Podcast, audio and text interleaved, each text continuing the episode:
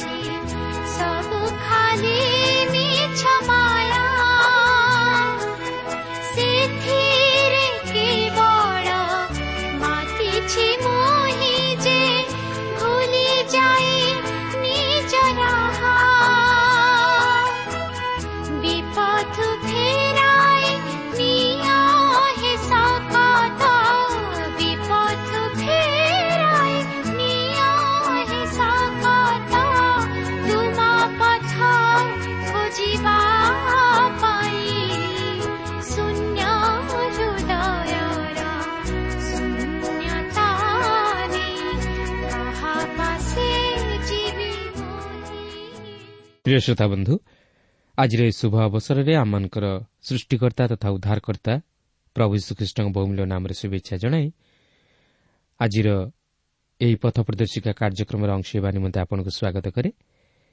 ଆପଣଙ୍କର ସହଯୋଗ ତଥା ମତାମତ ନିମନ୍ତେ ବିଶେଷ ଧନ୍ୟବାଦ।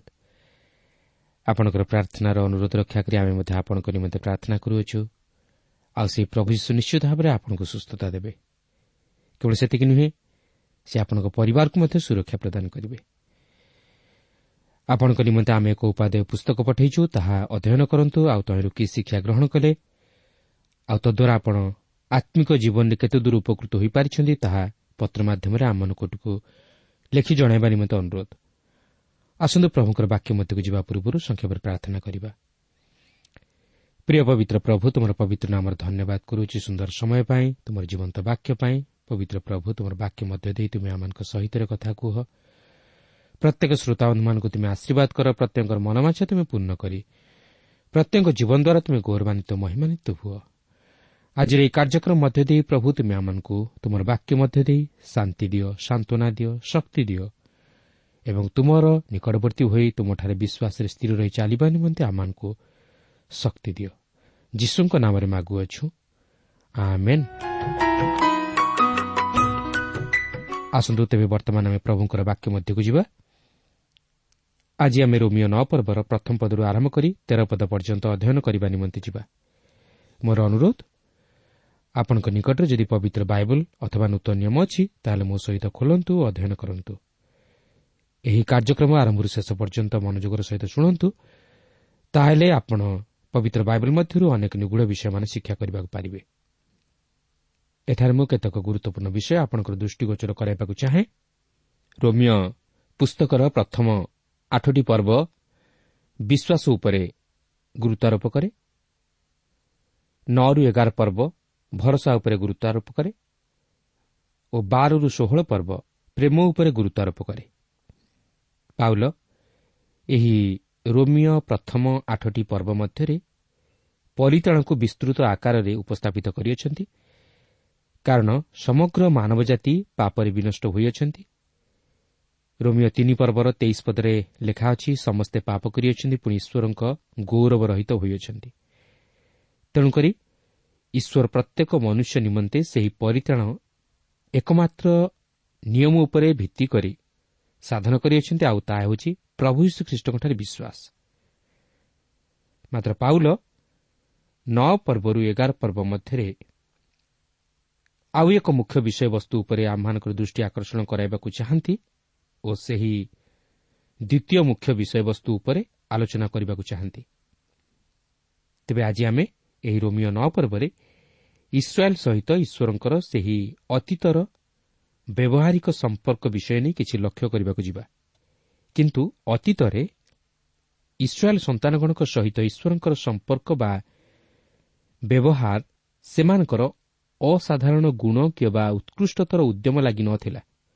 କିନ୍ତୁ ଈଶ୍ୱର ତାହାଙ୍କର ସାର୍ବଭୌମ ଇଚ୍ଛା ଓ ଅଭିମତ ଅନୁଯାୟୀ ସାଧନ କଲେ। ସେ ତାହାଙ୍କର ଅସୀମ ଦୟା ଇସ୍ରାଏଲ୍ ପ୍ରତି ପ୍ରଦର୍ଶନ କଲେ ଏବଂ ଅନ୍ୟ ସମସ୍ତଙ୍କ ପ୍ରତି ମଧ୍ୟ ଏପରିକି ଆପଣଙ୍କ ପ୍ରତି ଓ ମୋ ପ୍ରତି ମଧ୍ୟ ପ୍ରକାଶ କଲେ।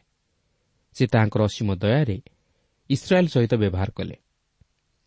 ଦେଖନ୍ତୁ ନଅ ପର୍ବର ପ୍ରଥମ ଦୁଇ ପଦରେ ଏହିପରି ଲେଖା ଅଛି ମୋହର ହୃଦୟରେ ଯେ ଗଭୀର ଦୁଃଖ ଓ ନିରନ୍ତର ବେଦନା ହେଉଅଛି ଏହା ମୋ ଖ୍ରୀଷ୍ଟଙ୍କ ସାକ୍ଷାତରେ ସତ୍ୟ କହୁଅଛି ମିଥ୍ୟା କହୁନାହିଁ।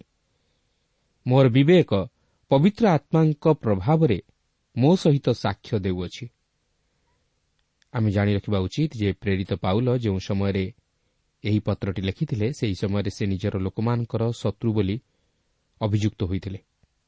କାରଣ ପ୍ରେରିତ ତେଇଶ ପର୍ବର ବାର ପଦରେ ଏହିପରି ଲେଖା ଅଛି ଦିନ ହୁଅନ୍ତେ ଯେଉଁଦୀମାନେ ଦଳବଦ୍ଧ ହୋଇ ପାଉଲଙ୍କୁ ବଧ ନ କରିବା ପର୍ଯ୍ୟନ୍ତ ଅନ୍ୟ ଜଳ ସ୍ପର୍ଶ କଲେ ଅଭିଶପ୍ତ ହେବେ ବୋଲି ଶପଥରେ ଆପଣା ଆପଣାକୁ ଆବଦ୍ଧ କଲେ। ତେଣୁ ବର୍ତ୍ତମାନ ପାଉଲ ତହିଁର ସତ୍ୟତା ଏଠାରେ ପ୍ରକାଶ କରି କହନ୍ତି ଯେ ମୁଁ ସତ୍ୟ କହୁଅଛି ମିଥ୍ୟା କହୁନାହିଁ। ପାଉଲ ଏଠାରେ ସେହି ଜିହୁଦୀ ଲୋକମାନଙ୍କର କାର୍ଯ୍ୟକଳାପ ଓ ମନୋଭାବକୁ ପ୍ରକାଶ କରିଦେବାକୁ ଚାହାନ୍ତି। କିନ୍ତୁ ପାଉଲଙ୍କର ତାହାଙ୍କ ନିଜର ଜାତି ପ୍ରତି ତାହାଙ୍କ ମନ ମଧ୍ୟରେ ଯେଉଁ ପ୍ରକାର ଦୁଃଖ ବା ଯାତନା ଥିଲା ତାହା ଆମେ ଅନୁମାନ କରିବା ମଧ୍ୟ ଅସମ୍ଭବ। ସେମାନଙ୍କର ତାଡ଼ନା ସତ୍ତ୍ୱେ ସେ ଯେଉଁପରି ଭାବରେ ଧୈର୍ଯ୍ୟ ସହକାରେ ସମସ୍ତ ବିଷୟ ସହ୍ୟ କରିନେଉଥିଲେ ଏହା ତହିଁର ପ୍ରମାଣ। ସେ ଜାଣିଥିଲେ ସେମାନେ ଖ୍ରୀଷ୍ଟଙ୍କ ବିଷୟ ନେଇ କ'ଣ ଭାବୁଥିଲେ ଓ ଖ୍ରୀଷ୍ଟ ବିଶ୍ୱାସୀମାନଙ୍କ ପ୍ରତି କି ପ୍ରକାର ମନୋଭାବ ପୋଷଣ କରିଥିଲେ। କାରଣ ଦିନ ଥିଲା। ସେ ମଧ୍ୟ ସେହିପରି ମନୋଭାବ ଧାରଣ କରିଥିଲେ।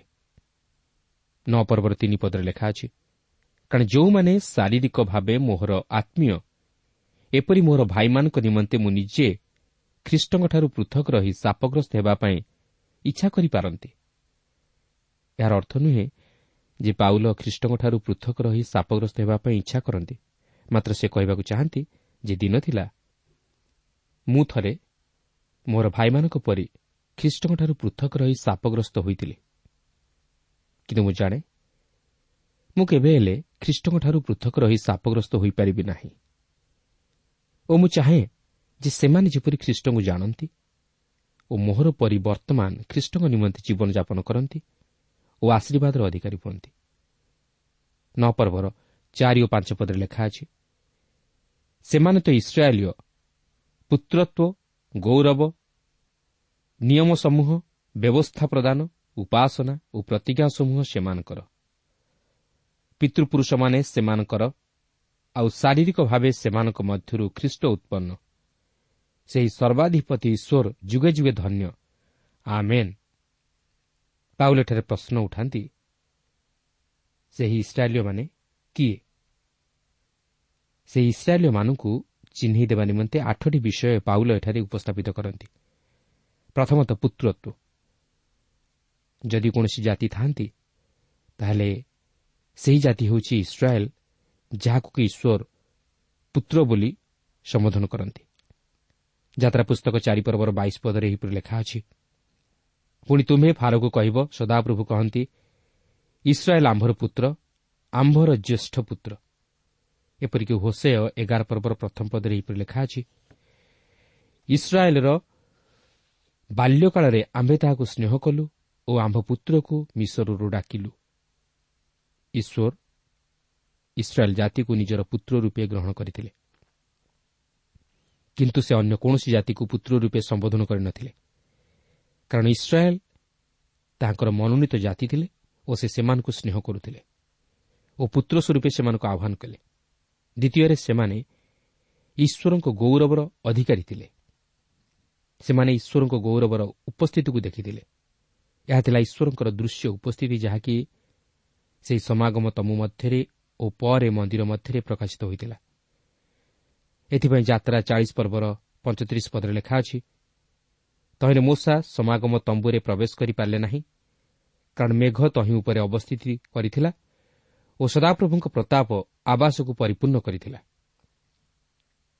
ଇସ୍ରାଏଲ୍ ସନ୍ତାନଗଣ ହେଉଛନ୍ତି ଏକମାତ୍ର ଲୋକ ଯେଉଁମାନେ କି ଈଶ୍ୱରଙ୍କର ଦୃଶ୍ୟ ଉପସ୍ଥିତିକୁ ଦେଖିଥିଲେ। କିନ୍ତୁ ଆଜି ସେହିପରି ଈଶ୍ୱରଙ୍କର ଦୃଶ୍ୟ ଉପସ୍ଥିତି ନାହିଁ। କୌଣସି ମନୁଷ୍ୟ ଈଶ୍ୱରଙ୍କର ଦୃଶ୍ୟ ଉପସ୍ଥିତି ଦେଖିବାକୁ ପାରେ ନାହିଁ। ମଣ୍ଡଳୀ ମଧ୍ୟ ଦେଖିବାକୁ ପାରେ ନାହିଁ। କାହିଁକି ଜାଣନ୍ତି?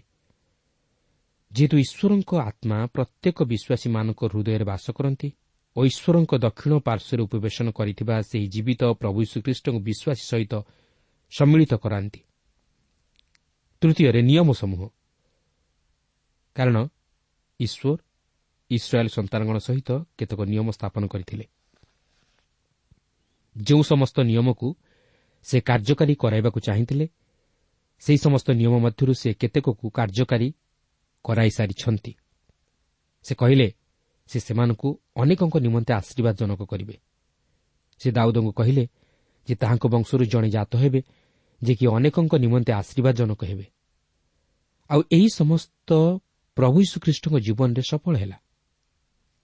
ଈଶ୍ୱର ଇସ୍ରାଏଲ୍ ସହିତ ଅନେକ ନିୟମ ସ୍ଥାପନ କରିଥିଲେ। ସେ ଅବ୍ରାହ୍ମଙ୍କ ସହିତ ଦାଉଦଙ୍କ ସହିତ ଓ ଇସ୍ରାଏଲ୍ ଜାତି ସହିତ ନିୟମ ସ୍ଥାପନ କରିଥିଲେ। ଯାହାକି ସେ ଅନ୍ୟ କୌଣସି ଲୋକମାନଙ୍କ ସହିତ ସ୍ଥାପନ କରିନଥିଲେ। ଚତୁର୍ଥରେ ବ୍ୟବସ୍ଥା। ଇସ୍ରାଏଲ୍ ଲୋକମାନଙ୍କ ନିମନ୍ତେ ମୋଷାଙ୍କ ବ୍ୟବସ୍ଥା ପ୍ରଦତ୍ତ ହୋଇଥିଲା। ଯାତ୍ରା ପୁସ୍ତକ ଉଣେଇଶ ପର୍ବର ପାଞ୍ଚ ପଦରେ ଲେଖା ଅଛି ଏବେ ତୁମେମାନେ ଯେବେ ଆମ୍ଭ ରବରେ ଅବଦାନ କରିବ ଓ ଆମ୍ଭ ନିୟମ ପାଳନ କରିବ ତେବେ ତୁମେମାନେ ସହସ୍ର ଲୋକଙ୍କ ଅପେକ୍ଷା ଆମ୍ଭ ନିଜର ସଞ୍ଚିତ ଧନ ହେବ କାରଣ ସମସ୍ତ ପୃଥିବୀ ଆମ୍ଭର। ଏହାପରେ ଈଶ୍ୱର ସେହି ଯାତ୍ରା ପୁସ୍ତକର ଏକତିରିଶ ପର୍ବର ତେର ପଦରେ ଏହିପରି କହନ୍ତି ତୁମ୍ଭେ ଆହୁରି ଇସ୍ରାଏଲ୍ ସନ୍ତାନଗଣକୁ ଏହି କଥା କହ। ନିଶ୍ଚୟ ତୁମ୍ଭେମାନେ ଆମ୍ଭର ବିଶ୍ରାମ ଦିନ ପାଳନ କରିବ। ଯେହେତୁ ଆମ୍ଭେ ଯେ ତୁମମାନଙ୍କର ପବିତ୍ରକାରୀ ସଦାପ୍ରଭୁ ଏହା ଯେ ତୁମେମାନେ ଜାଣିବ ଏଥିପାଇଁ ତୁମମାନଙ୍କ ପୁରୁଷାନୁକ୍ରମେ ଆମ୍ଭ ଓ ତୁମମାନଙ୍କ ମଧ୍ୟରେ ତାହା ଏକ ଚିହ୍ନ ହେବ। ଏହା ହିଁ ଥିଲା ସେହି ଇସ୍ରାଏଲ୍ ଜାତିଙ୍କ ନିମନ୍ତେ ଈଶ୍ୱରଙ୍କର ବ୍ୟବସ୍ଥା। କିନ୍ତୁ ଆଜି ଆମେ ସେହି ବ୍ୟବସ୍ଥାର ଅଧୀନରେ ନାହୁଁ ମାତ୍ର ଖ୍ରୀଷ୍ଟଙ୍କ ଅଧୀନରେ ଅଛୁ ଯେହେତୁ ସେହି ପ୍ରଭୁ ଯୀଶୁ ଖ୍ରୀଷ୍ଟ ବ୍ୟବସ୍ଥା ଅନୁଯାୟୀ ସମସ୍ତ ଧର୍ମକର୍ମ ସାଧନ କରି ବ୍ୟବସ୍ଥାର ଅଧୀନରୁ ଆମମାନଙ୍କୁ ମୁକ୍ତ କରିଅଛନ୍ତି ଓ ତାହାଙ୍କ ସହିତ ଆମମାନଙ୍କୁ ସଂଯୁକ୍ତ କରି ଏକ ନୂତନ ସମ୍ପର୍କ ସ୍ଥାପନ କରିଅଛନ୍ତି। ପଞ୍ଚମରେ ଉପାସନା। ଇସ୍ରାଏଲ୍ ସନ୍ତାନଗଣ ଏକ ସ୍ୱତନ୍ତ୍ର ଭାବେ ଈଶ୍ୱରଙ୍କୁ ଉପାସନା କରୁଥିଲେ। ଏହି ଉପାସନା ଇସ୍ରାଏଲ୍ ସନ୍ତାନଗଣଙ୍କର ସେହି ସମାଗମ ତମ୍ବୁ ଓ ମନ୍ଦିର ମଧ୍ୟରେ ଉପାସନା କରିବାର ବିଷୟକୁ ପ୍ରକାଶ କରେ। ସେମାନେ ଏକ ଯାଜକୀୟ ରାଜ୍ୟରେ ପରିଣତ ହେବାକୁ ଥିଲା। କାରଣ ଯାତ୍ରା ପୁସ୍ତକ ଉଣେଇଶ ପର୍ବର ଛଅ ପଦରେ ଲେଖା ଅଛି ପୁଣି ତୁମେମାନେ ଆମ୍ଭ ନିମନ୍ତେ ଯାଜକମାନଙ୍କର ଏକ ରାଜବଂଶ ଓ ଏକ ପବିତ୍ର ଗୋଷ୍ଠୀ ହେବ। ଏହିସବୁ କଥା ତୁମ୍ଭେ ଇସ୍ରାଏଲ୍ ସନ୍ତାନମାନଙ୍କୁ କୁହ। କିନ୍ତୁ ଇସ୍ରାଏଲ୍ ଜାତି ଈଶ୍ୱରଙ୍କର ସେହି ଅଭିମତକୁ ସଫଳ କରିବାରେ ବିଫଳ ହେଲେ। ମାତ୍ର ଈଶ୍ୱର ତାହାଙ୍କର ଅଭିମତ ତଥା ଉଦ୍ଦେଶ୍ୟକୁ ସଫଳ କଲେ।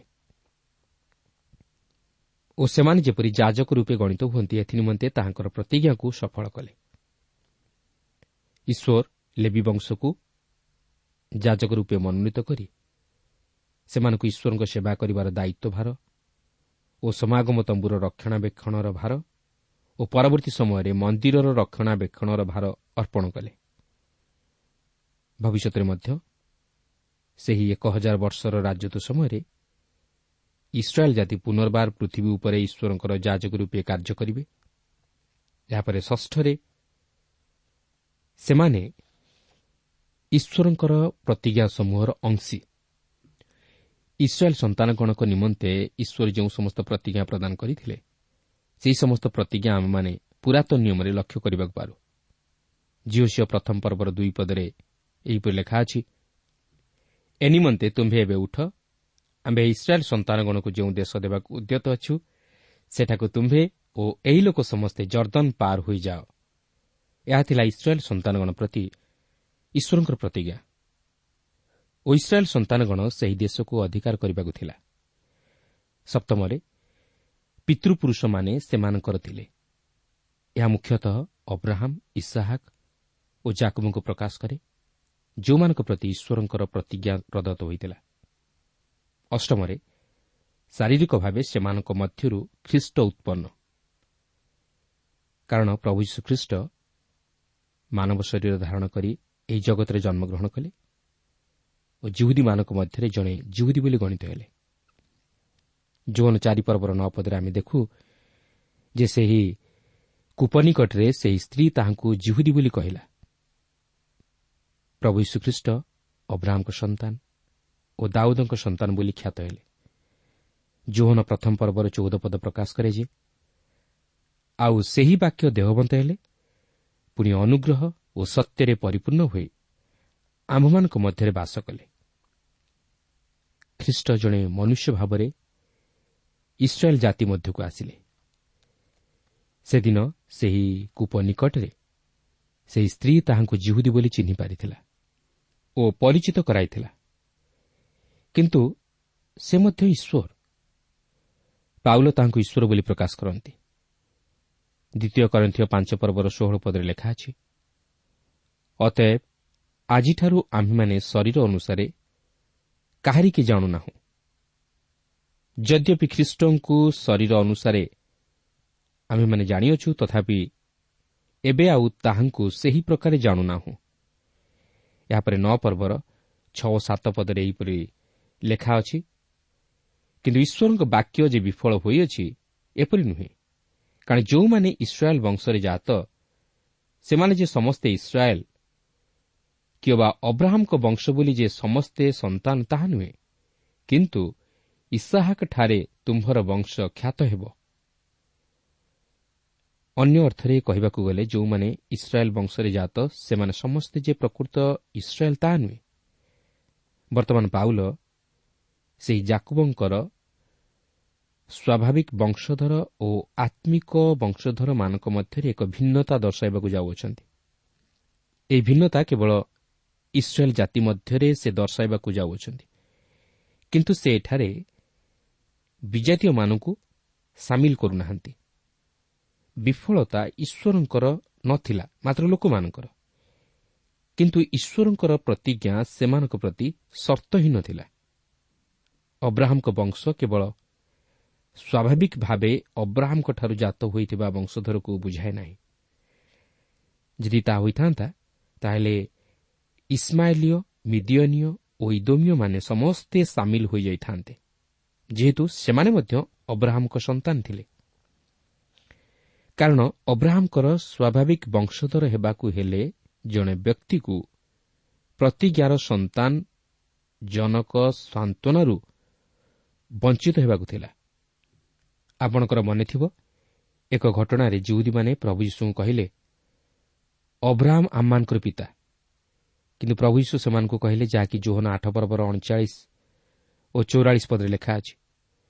ଯୀଶୁ ସେମାନଙ୍କୁ କହିଲେ ଯଦି ତୁମେମାନେ ଅବ୍ରାହମ୍ଙ୍କ ସନ୍ତାନ ତେବେ ଅବ୍ରାହମ୍ଙ୍କ କର୍ମ କର। ତୁମେମାନେ ତୁମାନଙ୍କର ପିତା ଶୟତାନଠାରୁ ଉତ୍ପନ୍ନ ଆଉ ତୁମାନଙ୍କ ପିତାର କାମନା ସାଧନ କରିବା ତୁମାନଙ୍କର ଇଚ୍ଛା। ସେ ଆଦ୍ୟରୁ ନରଘାତକ ଆଉ ସେ ସତ୍ୟରେ ରହେ ନାହିଁ କାରଣ ତାହାଠାରେ ସତ୍ୟ ନାହିଁ। ଯେତେବେଳେ ସେ ମିଥ୍ୟା କହେ ସେତେବେଳେ ସେ ନିଜଠାରୁ କହେ କାରଣ ସେ ମିଥ୍ୟାବାଦୀ ଓ ମିଥ୍ୟାବାଦୀର ପିତା। ଏହାପରେ ନଅ ପର୍ବର ଆଠ ପଦରେ ଲେଖା ଅଛି। ଏଥିର ଅର୍ଥ ଏହି ଶାରୀରିକ ଭାବେ ଯେଉଁମାନେ ସନ୍ତାନ ସେମାନେ ଯେ ଈଶ୍ୱରଙ୍କ ସନ୍ତାନ ତାହା ନୁହେଁ କିନ୍ତୁ ପ୍ରତିକାର ସନ୍ତାନ ବଂଶ ରୂପେ ଗଣିତ ହୁଅନ୍ତି। ପାଉଲ ଇସ୍ରାଏଲ୍ ବଂଶ ମଧ୍ୟରେ ମନୋନୀତ ଓ ଅମନୋନୀତମାନଙ୍କ ମଧ୍ୟରେ ଏକ ଭିନ୍ନତା ଦର୍ଶାନ୍ତି। ଯେଉଁମାନେ ଶାରୀରିକ ଭାବେ ସନ୍ତାନ ସେମାନେ ଈଶ୍ୱରଙ୍କ ସନ୍ତାନ ନୁହନ୍ତି ମାତ୍ର ଯେଉଁମାନେ ପ୍ରତିଜ୍ଞାର ସନ୍ତାନ ସେମାନେ ବଂଶ ରୂପେ ଗଣିତ ହୁଅନ୍ତି। ପ୍ରେରିତ ଏକୋଇଶ ପର୍ବର କୋଡ଼ିଏ ପଦରେ ଲୋକ ଏହିପରି ପ୍ରକାଶ କରନ୍ତି ସେମାନେ ତାହା ଶୁଣି ଈଶ୍ୱରଙ୍କ ମହିମା କୀର୍ତ୍ତନ କରିବାକୁ ଲାଗିଲେ ପୁଣି ତାହାଙ୍କୁ କହିଲେ ହେ ଭାଇ ଜିହୁଦୀମାନଙ୍କ ମଧ୍ୟରେ ଯେ କେତେ ସହସ୍ର ବିଶ୍ୱାସୀ ଅଛନ୍ତି ଏହା ତୁମେ ଦେଖୁଅଛ ସେ ସମସ୍ତେ ବ୍ୟବସ୍ଥା ପକ୍ଷରେ ଉଦ୍ୟୋଗୀ ଇସ୍ରାଏଲ୍ ମଧ୍ୟରେ ହଜାର ହଜାର ଜିହୁଦୀ ଥିଲେ ଯେଉଁମାନେ କି ଖ୍ରୀଷ୍ଟଙ୍କ ମୃତ୍ୟୁ ଓ ପୁନରୁତ୍ଥାନ ପରେ ଖ୍ରୀଷ୍ଟଙ୍କ ପ୍ରତି ଫେରିଥିଲେ। ସେମାନେ ମନୋନୀତ ଜିହୁଦୀ ଥିଲେ ଏବଂ ପାଉଲ ସେମାନଙ୍କୁ ସଦାସର୍ବଦା ଇସ୍ରାଏଲ୍ ବୋଲି ସମ୍ବୋଧନ କରନ୍ତି। ନଅ ପର୍ବର ନଅ ପଦରେ ଏହିପରି ଲେଖା ଅଛି କାରଣ ଏହା ତ ପ୍ରତିକାର ବାକ୍ୟ ଏହି ଋତୁରେ ଆମ୍ଭେ ଆସିବା ଆଉ ସାରା ଗୋଟିଏ ପୁତ୍ର ପ୍ରାପ୍ତ ହେବ।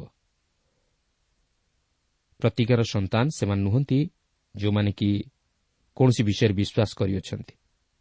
ଇସାହାକ୍ ତାଙ୍କର ଜନ୍ମ ପୂର୍ବରୁ ବିଶ୍ୱାସ କରିନଥିଲେ ଇସାହାକ୍ ପ୍ରତିଜ୍ଞାର ସନ୍ତାନ ଥିଲେ।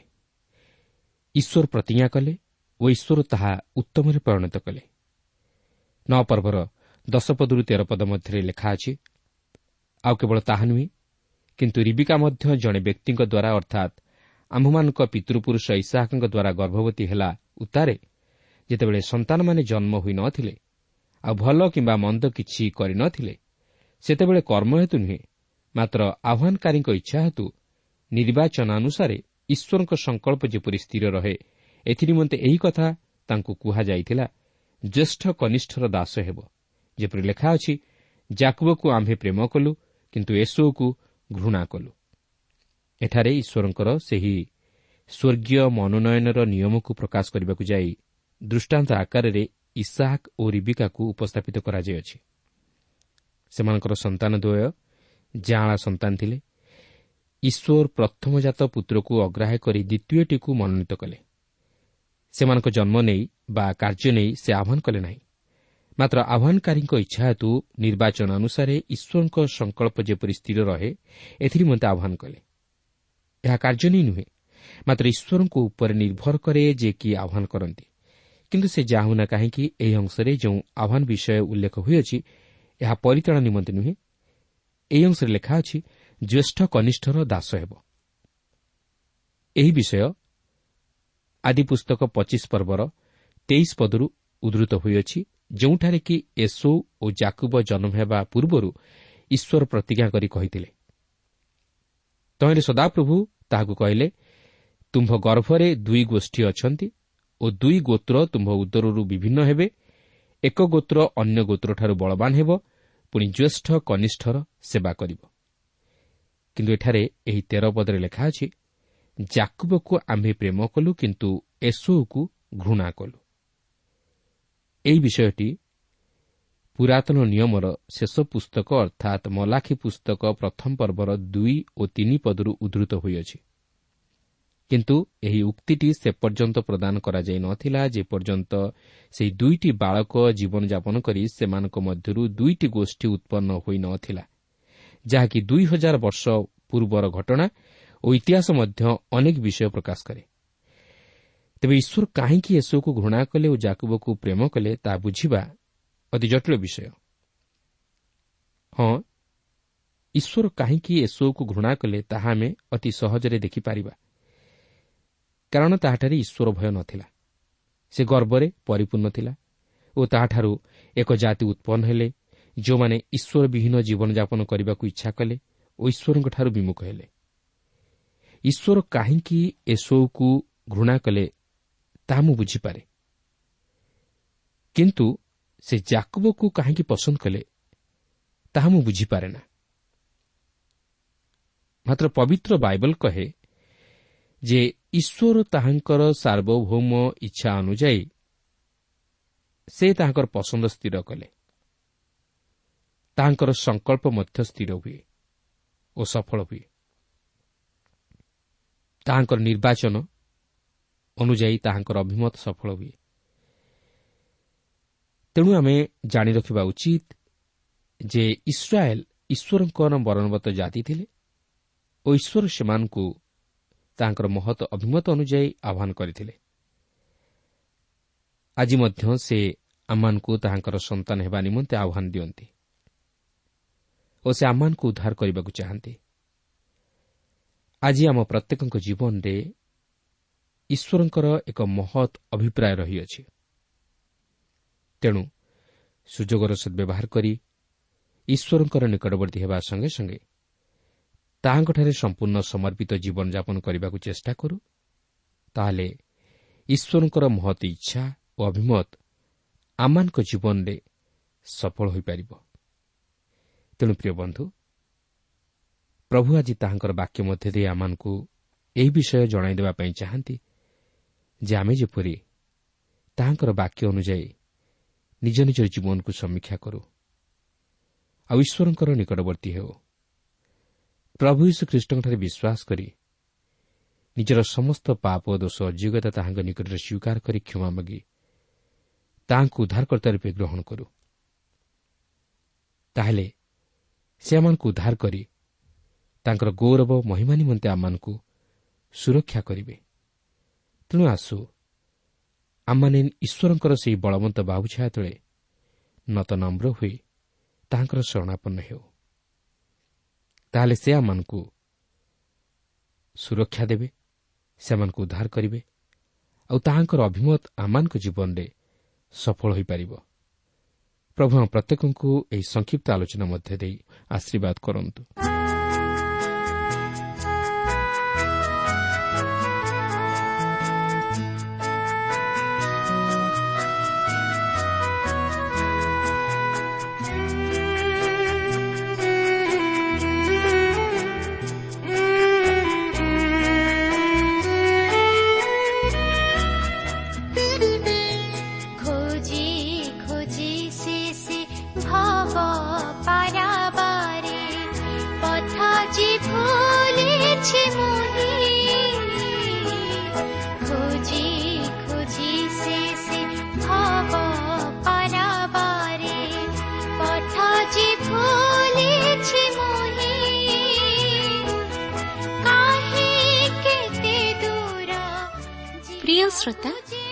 আমার কার্যক্রম নিয়মিত শুণুবার অশেষ ধন্যবাদ আপনার এই কার্যক্রম শুণবা দ্বারা আত্মিক জীবনের উপকৃত হয়ে পে বলে আমার বিশ্বাস প্রভু যীশু বিষয় অধিক জাণবার আগ্রহ লে অথবা উপাদেয় পুস্তকর আবশ্যক লে আমসহ যোগাযোগ করন্তু আমার ঠিকনা পথ প্রদর্শিকা trans world radio India post box number তিন তিন ভুবনেশ্বর সাত পাঁচ এক শূন্য শূন্য এক mobile number nine seven double seven double two one four one five ଠିକଣାଟି ଆଉଥରେ ଶୁଣନ୍ତୁ। ପଥ ପ୍ରଦର୍ଶିକା trans world radio India post box number three three Bhubaneswar seven five one zero zero one mobile number nine seven double seven double two one four one five ଆମର email ଆଡ୍ରେସ୍ଟି ଲେଖି ରଖନ୍ତୁ Odia TTV at radio eight eight two dot com ତେବେ ଆଜି ପାଇଁ ବିଦାୟ ଦିଅନ୍ତୁ। ନମସ୍କାର।